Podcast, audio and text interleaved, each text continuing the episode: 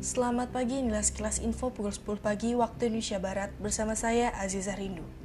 Pemirsa, sejumlah mahasiswa kembali menggelar aksi bertepatan dengan pelantikan anggota DPR baru.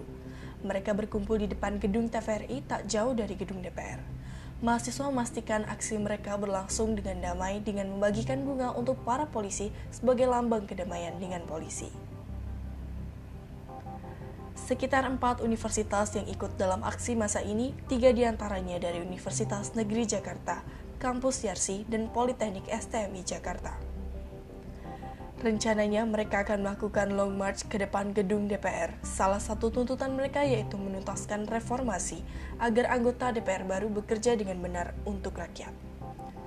Demikian sekelas info, terima kasih dan sampai jumpa.